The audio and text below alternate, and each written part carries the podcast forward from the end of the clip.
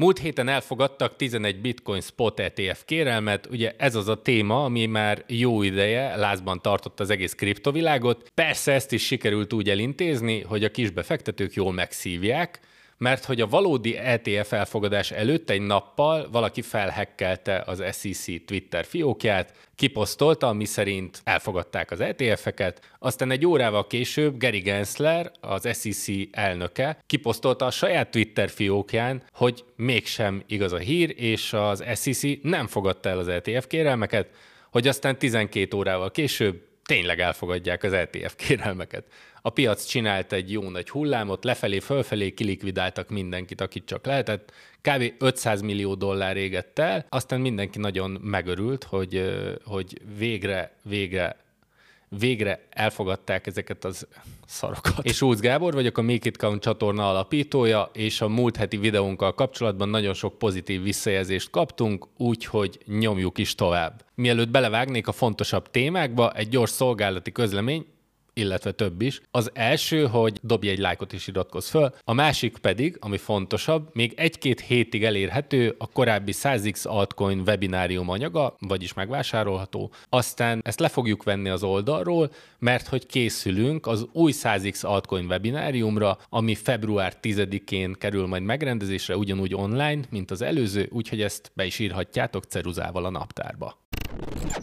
Ma beszélni fogok arról, hogy a bitcoin miért nem ért el még mindig a 100 ezer dollárt, pedig az ETF rallival mindenki erre számított. Aztán elmondom a véleményem az Ethereum-mal kapcsolatban, illetve azzal kapcsolatban, hogy szerintem miért jobb fogadás most az Ethereum, mint a bitcoin, és fogok beszélni pár olyan projektről is, mert hogy ezt is sokan kértétek, hogy legyenek nevesítve projektek. Fogok mondani pár olyan kriptoprojektet is, ami szerintem most jó beszállót kínál a következő rally előtt.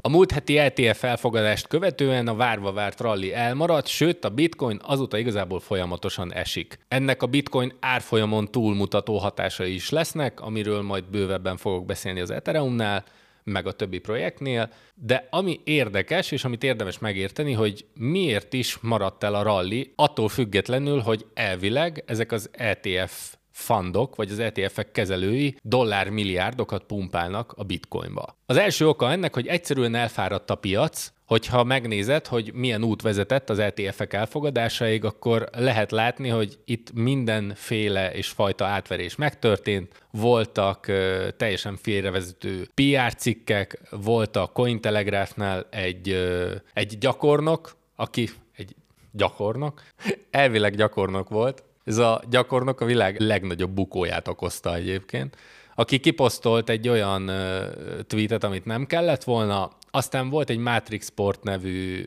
kutatócég, akik lehoztak egy kamuhírt, senkit nem érdekel már, ezt se fogjuk megtudni, hogy miért történt pontosan az, ami történt.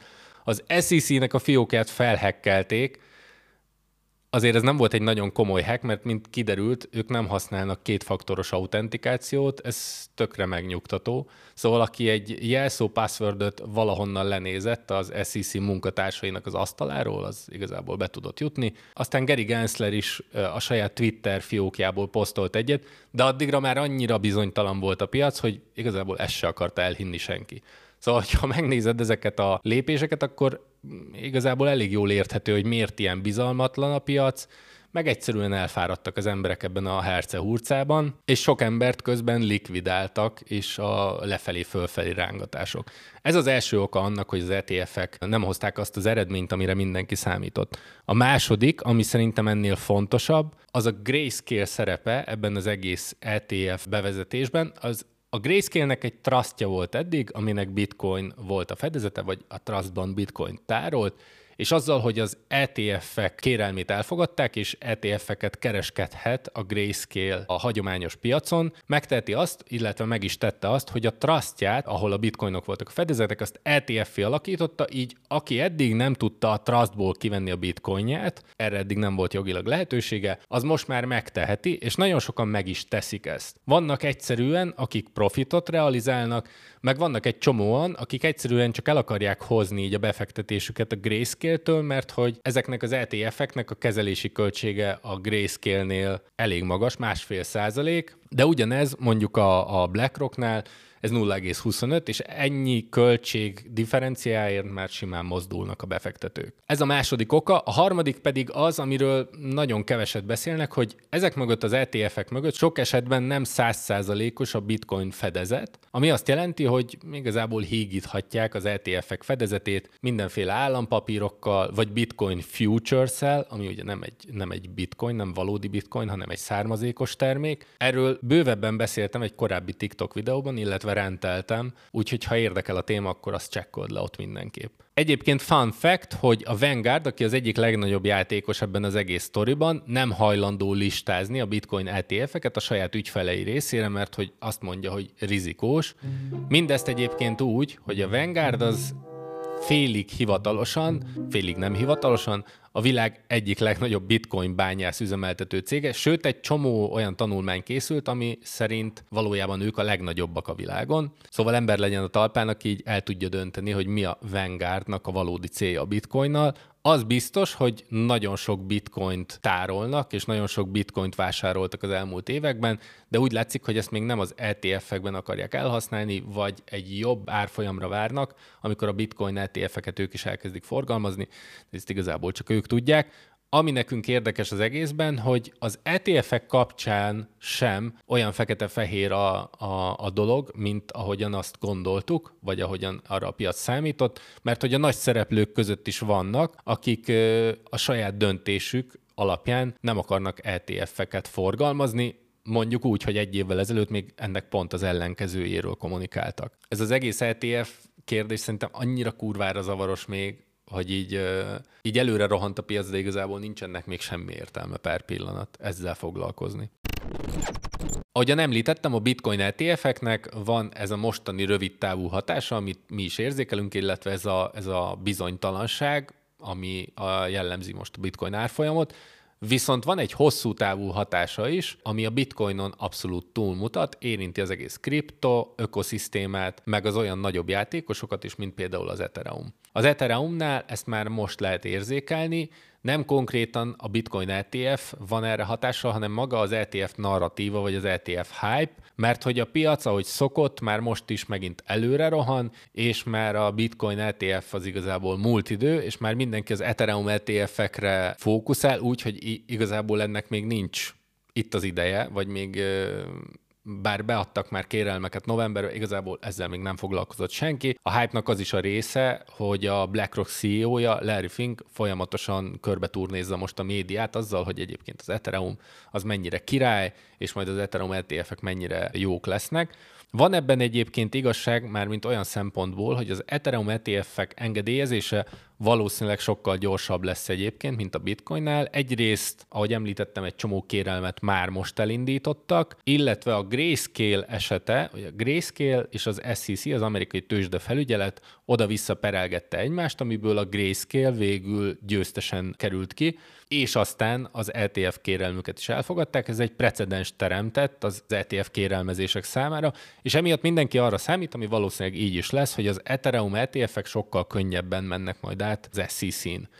Úgyhogy simán lehet arra számítani, hogy az Ethereum ETF-ek még jönnek idén, sőt, még lehet, hogy az első fél évben. Ez hajtja az árat, vagy hajtani fogja az árfolyamot, Miközben az Ethereumnál jönnek ki a frissítések, az első az a Denkun, amiről már beszéltem az előző videóban, és az is látszik, hogy az Ethereum dominancia az kezd átfordulni, hogyha Bitcoin és Ethereum erejét egymás mellé rakjuk, gyakorlatilag az Ethereum Bitcoin kereskedési párt vizsgáljuk, akkor azt lehet látni, hogy elég hosszú idő óta az Ethereum kezd átfordulni, az Ethereum kezd dominánsá válni, ezt egyébként ilyen technikai elemzésben elég jól lehet látni, egy elég könnyen kivehető új trend kezd kialakulni. Az biztos, hogy marad a volatilis piac a következő hetekben, amit leginkább az mutat, hogy a rövid távú befektetők folyamatosan tolják be a kriptotősdékre a bitcoinjaikat, meg, meg úgy általában véve a kriptójukat,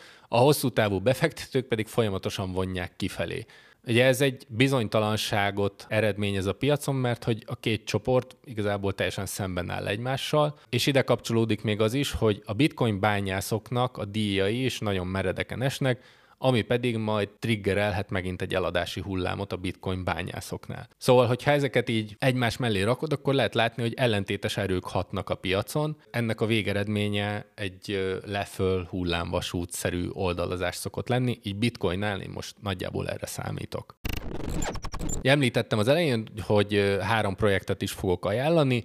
Az első maga az Ethereum, itt annyival egészíteném ki az előzőket, hogyha lesz egy visszatesztelés 2400 környékére, azt én már jó beszállónak tartom, ott akár DCA szerint is, vagy csak egyszerű beszállóval. A második projekt, ami talán meglepő lesz majd sok embernek, az a Polkadot. Ugye ez egy nagyjából rég elfeledett projekt, mert hogy 2023-ban nem sok minden történt a projekt házatáján, vagy legalábbis nem sok minden olyan dolog történt, ami így a széleskörű kriptós közösséget érdekli. Viszont 2024-ben jönnek az újdonságok, meg, egy, meg a paracsénekkel ami ugye a Polkadotnak az alapja, egy olyan új narratíva kezd kialakulni, meg egy olyan új hype, amit valószínűleg tök jól meg lehet majd lovagolni a Polkadoton keresztül. Az egyik fontos a Core Time lesz, a Polkadot 2.0, ami a Polkadot egyik legnagyobb fejlesztése, aztán pedig jön a Snow Bridge, ami pedig egy bridge-et vagy közvetlen hidat teremt az Ethereum és a Polkadot között. Ez eddig nagyon hiányzott, ez, az, ez a fajta átjárhatóság a két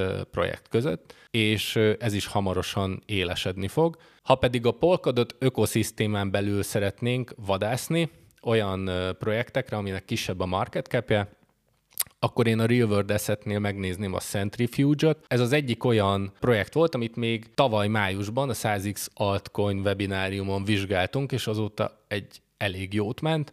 A másik pedig a szintén a Polkadot ökoszisztémán belül, a Depin narratíván belül, ez a Peak, erről a héten lesz majd egy hosszabb TikTok videó, úgyhogy ott érdemes lesz ezt megnézni, hogyha a Depin narratív egyébként érdekel. A harmadik projekt az az Atom, ami a Cosmos ökoszisztémának az alaptokenje, vagy az egyik legrégebbi tokenje. Most újra kezd érdekessé válni, nem csak az airdrop hype miatt, hanem önmagában a tokenben is, illetve a projektben is jönnek ki új frissítések, túl vagyunk egy token unlockon is, amit nagyon jól átvészelt az árfolyam, és ezek mind-mind pozitív hírek a, a projekttel kapcsolatban. Én azt gondolom, hogy ha visszatesztel az Atom token 9 dollár fölé, 9,2-9,15 környékén, az én egy jó beszállónak fogom tartani, és ott rávásárolok. Ha nem lesz ilyen visszatesztelés, akkor viszont marad a mostani pozícióm, és igazából ezt tartom. Az atomot, az atom tokeneket nagy részt airdrop miatt tartom, kisebb rész árfolyam nyereség miatt,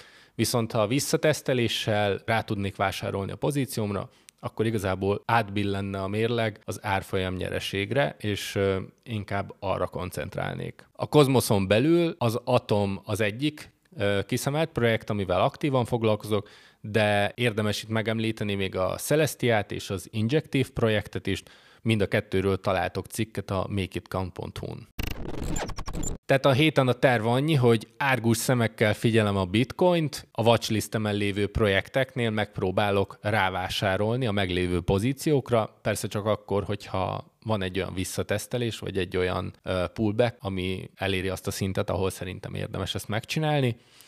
Aztán fontos, hogy a következő kamat döntésig már csak két hét van, bár valószínűleg ez nem fog sok vizet zavarni, mert hogy nagyjából beáraszta most arra a piac azt, ami történni fog. Inkább ez olyan szempontból érdekes csak, hogy mi fog történni majd a következő fél évben, mert ez elég jó keretbe fogja majd rakni ezt. Fókusz az Ethereumon és a Cosmos ökoszisztémán, na meg persze az airdropokon, igazából ez az, amivel most a legtöbbet foglalkozok. Jövő héten jövünk egy új videóval, addig is, hogyha nem szeretnél lemaradni, akkor kövess be Instán, mert hogy ott naponta küldünk ki friss infókat, meg érdekességeket, úgyhogy hamarosan találkozunk.